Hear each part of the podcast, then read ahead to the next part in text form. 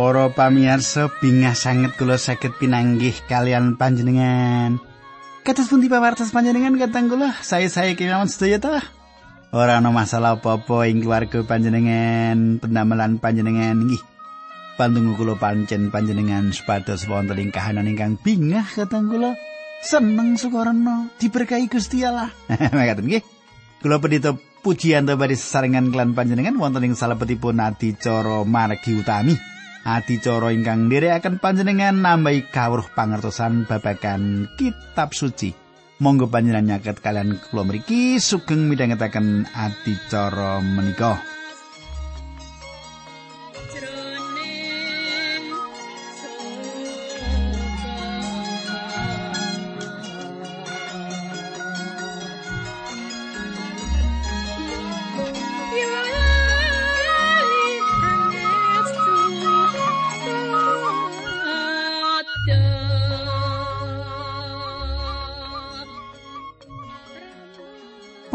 Pamirsa menapa panjenengan kemutan menapa ingkang kula aturaken duk nalika pepanggen kepengger tasih kemutan?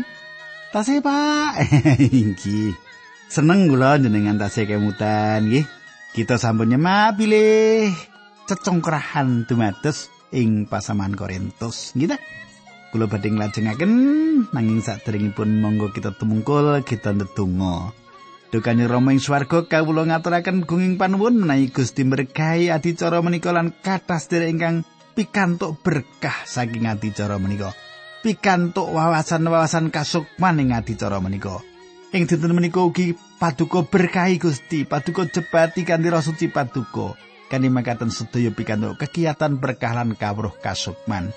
Dinambaran asmanipun Gusti Yesus Kristus kawula netunggal. Haleluya. Amin.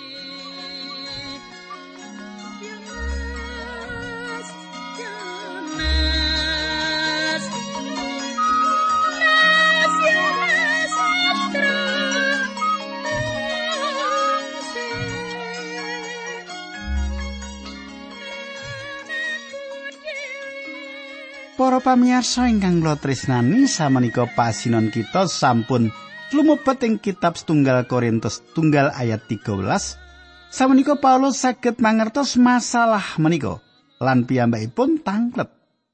Debi panjenengan semak bab setunggal ayat 13 Apa Sang Kristus iku kaperang-perang Apa Paulus iku kasalib marga saka kowe? Utawa apa kowe padha kabaptis ing jenenge Paulus Para pamirsa, jawabanipun sampun cetha, sampun tentu Sang Kristus menika mboten kaperang-perang. Anggenipun Gusti Yesus dipun salib inggih menika landesan kamanunggalipun Kristen lan mokal mbangun kamanunggal atas landesan sanesipun. Utawa apa kowe padha kabaptis sing jenenge Paulus? Ing salebetipun contoh menika kula mboten yakin Paulus ingkang dipun kajengaken menika baptisan toyo. Ingkang tansah ing asmanipun Sang Rama, Sang Putra lan Sang Roh Suci. Ingkang dipun kajengaken Paulus inggih menika gegayutan kalian baptisan Sang Roh Suci. Pitakenanipun inggih menika utawa apa kowe padha kabaptis sing jenenge Paulus? Pasamaning Korintus utawi Korintus sampun tentu badhe atur wangsul mboten. Kula sami mboten dipun baptis sing asma panjenengan Pak Paulus. Baptisan ingkang mapanaken kula ing salebetipun badanipun Sang Kristus inggih menika baptisan Sang Roh Suci mboten wonten manungsa ingkang saged nindakaken kangge kawula. Para pamirsa Paulus budidaya nuntun pikiranipun pesamuan menika nebih saking manungsa lan mangsulaken dumateng Sang Kristus. Pasaman menika kedah kapenuhaning Sang Kristus. Jujur kemawon kula tansah saged memitran kalian sinten kemawon tanpa ningali asal usulipun menawi tiang menika saged gadah pemangge ingkang sami kalian kula ing salebetipun perkawis gegayutan kalian Sang Kristus. Samenika kita lajengaken ing ayat 18 lan kang 11. Aku saus syukur dene siji wae saka ing antaramu ora ana kang ndak baptis kajaba Krispus lan Gayus. Satemah ora ana wong kang bisa kandha yen kowe padha kabaptis sing jenengku. Para pamirsa ing mriki Paulus meratelaken kegayutan kalian baptisan toyo. Paulus meratelaken bilih piyambakipun boten mligi nengenaken ing perkawis menika awit andadosaken kuatos. Mangke kathah tiyang ingkang gadah pemanggih bilih piyambakipun baptis ngangge naminipun piyambak. Peladosanipun tansah ngunduraken dumateng Sang Kristus. Wonten tiyang malah dumugi samenika ingkang gadah pemanggih bilih baptisan toyo milu jengaken utawi baptisan menika gadah pangwaos ngitapi-tapi ingkang boten saged dipun panggihaken tanpa nindakaken baptisan menika. Ayat 16. Aku yo baptis brayate Stefanus, aliyo saka iku aku ora kelingan yen ana wong liyane maneh kang ndak baptis. Para pamirsa, Paulus nyelipaken sekedhik sangat gegayutan penting ngipun baptisan lan piyambakipun boten emut menapa piyambakipun nate baptis tiang sanes utawi boten. Kita lajengaken ayat pitulas, sabab Sang Kristus sanggone ngutus aku iku ora supaya baptis, nanging supaya ngabarake Injil lan sebab iku ora nganggo kawasisaning tembung supaya salipe Sang Kristus aja nganti dadi ngeloho. Para pamirsa penting dados kawigatosan kita ing jaman menika kathah tiang ingkang merang lan misahaken perkawis-perkawis tambahan utawi sekunder. Inggih ingkang kados makaten menika dados jalaran cecongkrahan lan padudon wonten ing salebetipun gereja. Pasaman Korintus menika pecah dening roh parte menika. Tiang tiga, Apolos, Paulus lan Kefas. Ngelaraken dawuh dhateng Korintus ingkang bobotipun wonten pangaribawa kangge manunggalaken. Injil ingkang dipun wucalaken inggih menika nengenaken ing perkawis manunggal sanes golong-golong. Nanging awit tiang-tiang menika tasih bayi Kristen, tiang-tiang menika wiwit nengenaken perkawis pribadi utawi individual. Samenika Paulus nuntun kawigatosan pesaman menika nebih saking golongan-golongan lan roh partai menika lan mangsulaken pasaman menika dumateng pangunderan dumateng satunggal priyantun inggih menika Sang Kristus. Ing kita Korinta kados ing kathah kita sanesipun ing jaman semanten ingkang dipun tengenaken inggih menika babakan filsafat. Samenika kita lajengaken bab setunggal ayat 18 setunggal Korinta. Awit pawarto bab salib iku pancen dadi kabodohan tumrape wong kang bakal padha tiwas nanging kanggo kita kang padha kapitulungan rayu dadi sawab kang saka Gusti Allah. Para pamirsa salib misahaken manungsa. Salib misahaken tiang ingkang wilujeng saking tiang ingkang dereng wilujeng. Nanging salib mboten merang tiang-tiang ingkang dipun wilujengaken. Salib menika kedah manunggalaken tiang-tiang menika. Tiang londo damel lukisan ingkang dipun namaiaken pengadilan pungkasan. Lukisan menika nggambaraken damparing Gusti Allah lan tebih saking dampar menika tiang-tiang kang kesasar sami dawah saking gegono. Ing medal tiang-tiang menika dawah tiang-tiang menika nempel antawisipun setunggalan sanesipun. Inggih menika kegambaran ingkang saged dipun pitados saking satunggal jagat bilih manungsa menika anggenipun nyambut damel namung kangge dinten menika. ingkang kesasar gadah kekajengan dados satunggal ing salebeting satunggalipun kamanunggalan ingkang ageng. Lan tiang-tiang menika badhe nyempurnakaken kamanunggalan ageng ing dinten-dinten pungkasan. Nanging panjenengan pirsa bilih ingkang nglangkungi kamanunggalan ing jagat menika lan pikiran jaman samenika mboten sanes namung Injil Sang Kristus Gusti Yesus mestani badanipun piyambak ingkang misahaken manungsa lan garis pisahipun inggih menika salibipun. Wucalan kegayutan salib dipun alamataken dumateng tiang-tiang kang wonten ing salebeting kabuduan ingkang murukaken tiwas. Nanging tumrap tiang-tiang kang dipun wilujengaken dipun paringi pangwaosipun Gusti Allah. Para pamirsa, Paulus kan dicetha meratelaken bilih cara menika mboten wonten ing salebetipun kawicaksanan tembung-tembung donya. Sanes sing salebeting cara kegayutan pasulehan utawi mbentenaken utawi pikiran utawi teori nanging Paulus namung nglairaken gegayutan salibipun Sang Kristus. Inggih menika ingkang ndatengaken mutuhipun tiang-tiang ingkang wilujeng. Kanginipun tiang-tiang ingkang tiwas salib Sang Kristus inggih menika kabodohan nanging kangenipun tiang-tiang kang wilujeng salib dados panguwasipun Gusti Allah. Salib Sang Kristus misahaken jagat nanging mboten misahaken gereja. Dipun imat-imat menika salib Sang Kristus mboten misahaken gereja nanging misahaken kalian jagat. Samenika kita lajengaken ayat 19 kali dosa selikur. Sebab ana tulisan mengkene ingsun bakal nglebur kawasisane para wong wasis lan kapinterani para wong pinter bakal sun sirnakake. Ana ing ngendi wong kang wasis? Ana ing ngendi ahli Torat? Ana ing ngendi juru bantaing jaman iki? Gusti Allah wis ndadekake kawasisane jagat iki dadi kabuduan. Awit sarane jagat sajroning kawicaksanane Gusti Allah ora marang panjenengani kalawan kawasisane. Mulane wis dadi kepareng Gusti Allah mitulungi rahayu marang para wong kang padha pracaya marga saka kabuduhaning pekabaran Injil. Panjenengan gatosaken bilih menika sanes wucalan ingkang bodho nanging kabuduhan wucalan. Ayat 23 ngantos 23 wong Yahudi padha njaluk pratandha lan wong Yunani padha ngupaya kawasisan.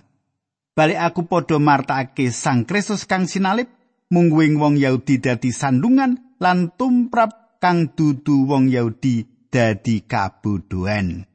Para pamirsa panjenengan gatosaken bilih Paulus merang umat manungsa dados kalih suku bangsa ageng. Yahudi lan Yunani ingkang dipun kajengaken sanes Yahudi. Yunani menika tiang-tiang ingkang sanes Yahudi. Yahudi nglambangaken agami. Paulus ngraso agami ingkang dipun paringaken Gusti Allah. Bangsa Yahudi rumaos bilih piyambakipun menika gadah kayektosan. Lan bangsa menika panci nggadahi kayektosan menika sadangunipun gegayutan kalian perjanjian lami. Prakawisipun inggih menika kayektosan menika namung dados upacara agami kemawon kanggenipun bangsa menika. Bangsa menika nyimpang saking kitab suci lan nganut adat istiadat saking anggenipun nafsiraken kitab suci menika. Pangaribawanipun ical awit saking menika ing wekdal Gusti Yesus ngejawantah bangsa menika nyuwun tondo.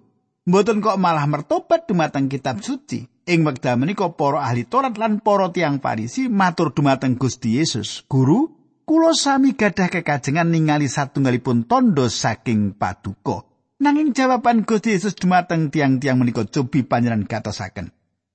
Matius karyawalas sayat tigang dosa wolu ngantos kawan dosa makaten surasipun. Jinis kang ala lan ora setya iki njaluk pratondo nanging bakal ora kaparingan kajaba mung pratandane Nabi Yunus. Awit padha kaya Yunus anggone ana ing weteng iwak telung dina telung bengi, mengkono uga putrane menungsa bakal ana jroning telenging bumi telung dina telung bengi. Para pamirsa, Gusti Yesus maringi tondo wungu saking sedo dumateng tiang-tiang menika. Para pamirsa ingkang kula tresnani, bangsa Yunani nggih menika bangsa sanes Yahudi. Bangsa Yunani nglambangaken filsafat. Bangsa menika bangsa ingkang remen kawicaksanan. Bangsa menika sanjang sawak pados kayektosan. Bangsa menika mburu lan ngemataken jagat raya kangge madosi kayektosan. bangsa menika kalabet bangsa ingkang ngendelaken nalar. Bangsa Yahudi mandek ing upacara agami, bangsa sanes Yahudi mandek dados tiang ingkang ngendelaken nalar lan kedahipun nyelarasaken badan kalian gambar alasan kirang langkung kawan atus tahun saderengipun rawipun Sang Kristus bangsa Yunani ngedekaken sejarah gegayutan endahipun akalan sagetipun gayuh kaendahan saking ukuran kados makaten menika kanthi makaten perkawis menika tasih andadosaken kami tenggengen lan ngagetaken manungsa. Perkawis menika kalajengaken ngantos kirang langkung tiga abad ing jamanipun Sang Kristus kaluhuran Yunani sampun sirna. Perkawis menika sampun mlempem. Para pamirsa, menapa kayektosan menika? Pitakenanipun Pilatus asipat ndrawasi. Bakon gadah pitakenan ingkang sami lan filsafat tasih gadah pitakenan kegayutan perkawis menika. filsafat tasih dereng manggihaken jawaban atas perkawis perkawis gesang menika. Ing pundi kawicaksanan menika? Wonten ing pundi ahli-ahli nyerat menika? Wonten ing pundi ingkang nglairaken cecongkrahan-cecongkrahan ing jagat menika? Menapa Gusti Allah adamel bodho kawicaksanan jagat menika? Tiang nyukani pangertosan filsafat kados tiang buta ing salebetipun papan peteng ingkang madosi kucing ireng ingkang sejatosipun boten wonten ing mriku. Bangsa Yunani pados-pados kawicaksanan. Jaman samenika manungsa tasih pados sawetawis teori utawi wangunan lan gadah pikiran lumantar ilmu pengetahuan kemawon tiang-tiang menika nampeni jawaban atas sawetawis pitakenan ing salebetipun gesang menika. Menapa manut panjenengan manungsa jaman samenika gadah jawaban-jawaban atas maneka warni gesang? Para pamirsa, manungsa jaman samenika, manungsa jaman samenika gadah pemanggih Bilih piyambakipun gadah sawetawis jawaban. Wonten ing pundi to tiyang wicaksana ing jaman samenika? Pitakenan ingkang sae kangge dipun aturaken panjenengan mangertos Gusti Allah adamel bodho kawicaksanan jagat menika. Cobi panjenengan semak. Awit sarening jagat sadroning kawicaksanan Gusti Allah ora wanuh marang panjenengani kalawan kawasisani, mulane wis dadi kepareng Gusti Allah mitulungi rahayu marang para wong kang padha pracaya marga saka kabodhoaning pekabaran Injil. Pratela menika saestu ngedapi-dapi balik aku padha martakake Sang Kristus kang sinalib mungguing wong Yahudi dadi sandungan lan tumrap kang dudu wong Yahudi dadi kabodhoan. Bangsa Yahudi nganggep salib menika satunggalipun sandungan satunggal sakandalon.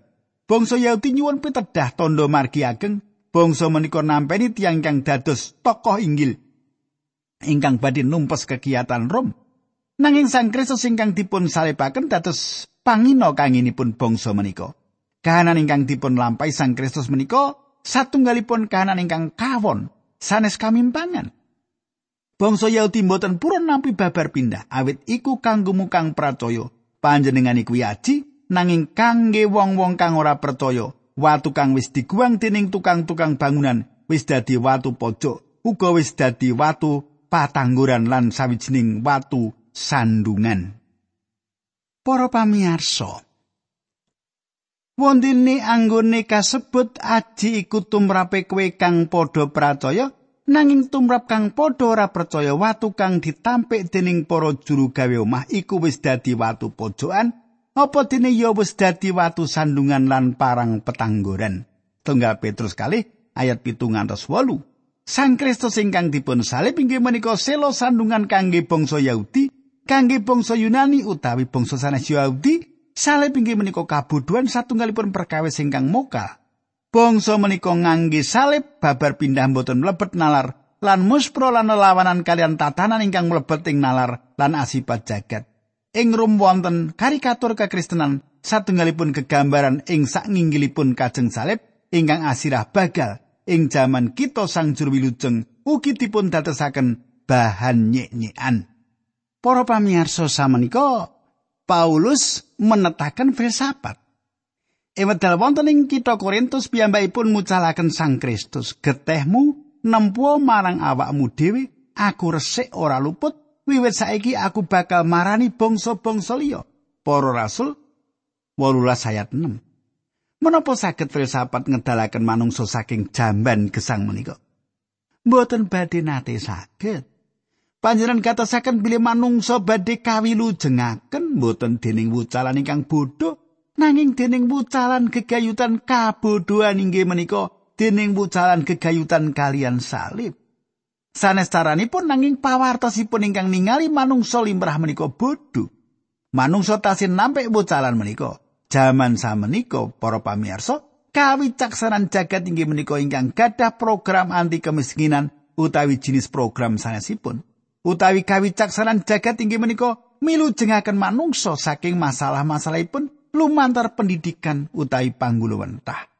Manut kula ingkang dipun petahaken manungsa jaman samenika inggih menika Injil. Kawicaksanan jagat mboten nate nimbang perkawis menika. Para pamirsa samenika Paulus nepangaken kelas manungsa ingkang sanes. Makaten, Nanging tumrap para kang katimbalan, wong Yahudi wong kang dudu Yahudi.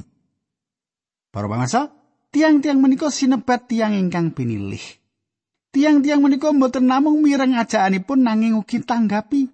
Laning salib Sang Kristus tiang-tiang menika saged manggihaken kawicaksanan lan kegiatan Allah ingkang sampun ngribah gesangipun.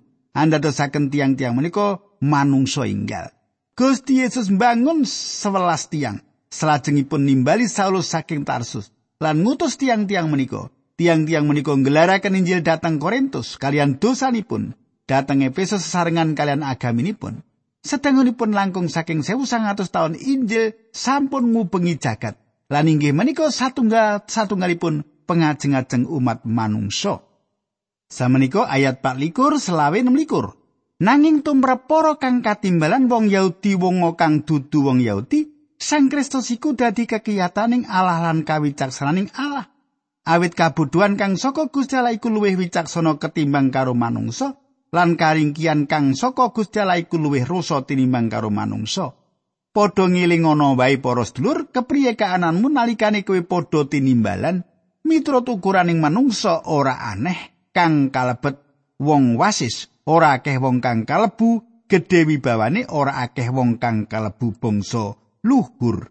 Para pamirsa ingkang dipun tresnani Gusti sawetawis tiang remen ngegungaken tiang-tiang ingkang misuwur ingkang sampun nampi Sang Kristus. Tiang-tiang ngidap-idaping salebetipun jagating hiburan pemimpin-pemimpin industri lan tiang-tiang misuwur ing salebeting pemerintahan. Nanging Gusti Allah kersanipun ingkang utami inggih menika dumateng tiang-tiang limprah. Panjenenganipun nimbali tiang-tiang limprah kados panjenengan lan kula. Samenika ayat pitulikur nanging kang kaanggep bodho. Munggu ing jagat kapilih dening Gusti Allah kanggo mirangake para wong wicaksana.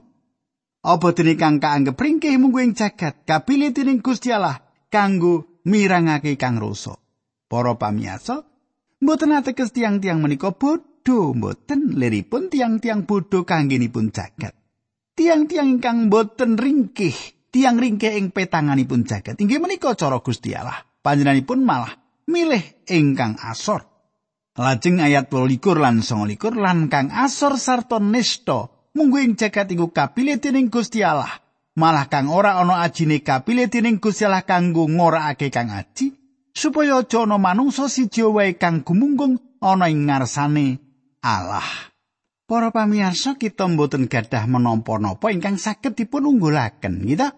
Samenika ayat 3 dosa. Nanging awit saka panjenengane kowe wis padha ana ing Sang Kristus kang merga saka Gusti Allah wis dadi kawasisan tumrap kita panjenengane wis ngleresake nucekake sarta nebus kita. Para pamirsa, Panjenenganipun kemawon ingkang kita betahaken. Kula gadah pengajeng-ajeng ingkang saged nyakinaken panjenengan. Panjenenganipun sampun nyiptakaken kawicaksanan kangge kita. Panjenenganipun kemawon kayektosan kita. Panjenenganipun panyuci lan panebusing kita. Menapa kemawon ingkang panjenengan betahaken dinten menika? Panjenengan saged nampeni menapa ingkang panjenengan betahaken menika wonten ing salebetipun panjenenganipun utawi salebetipun Sang Kristus. ayat tigang dosa setunggal supaya cundua karo kang katulisan wiraose sing sapa ngegungkungake iku ngegungno mungguh ing pangeran Para pamiyasa anggen kita ngegunggungaken kita kedahipun wonten ing salebetipun Gusti. Jaman samenika kita kedah ngegunggungaken ing salebetipun Gusti Yesus Kristus. Kula badhe nyuwun pirsa dumateng panjenengan. Menapa ingkang damel ngegunggungaken? Menapa? Menapa ingkang panjenengan nggunggungaken ing wekdal menika? Apa sing digungungake? Menapa panjenengan ngegungake gelar-gelar panjenengan dokter under sarjana hukum utawi master of divinity menapa kemawon? Menapa panjenengan ngegungaken kawicaksanan panjenengan, kasugihan panjenengan, kalenggahan panjenengan? Menapa ing wekdal menika panjenengan ngegunggungaken kalenggahan lan watek pantu panjenengan? panjenengan boten gadah menapa-menapa ingkang saged panjenengan egunggungaken. Kula ugi boten gadah nanging kita saged ngegungaken ing salebetipun Sang Kristus. Panjenenganipun menika samudayanipun, panjenenganipun kemawon samudayanipun ingkang kita betahaken. Monggo kita ndedonga. Rama ing swarga kawula ngaturaken kenging panuwun menawi wekdal menika kawula saged tetunggilan lan saged ngraosaken berkah pangandikan paduka. Kawula nyuwun Gusti mereka istri-istri kawula menika linambaran asmanipun Gusti kawula Yesus Kristus kawula pasrahaken istri kawula menika supados paduka berkahi. Haleluya. Amin.